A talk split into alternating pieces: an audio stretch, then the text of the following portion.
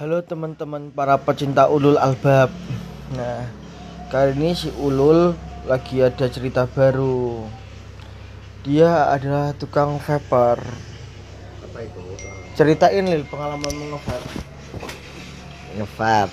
Cara ngevape satu. Harus punya vape. Dua. Ka- pastikan vape anda masih berfungsi tiga tiga apa eh Gak tahu. Tiga vape anda harus berisi konten-konten menarik supaya bisa dilihat banyak orang dan banyak yang minat juga. Karena apa? Karena vape adalah suatu untuk mengurangi merokok.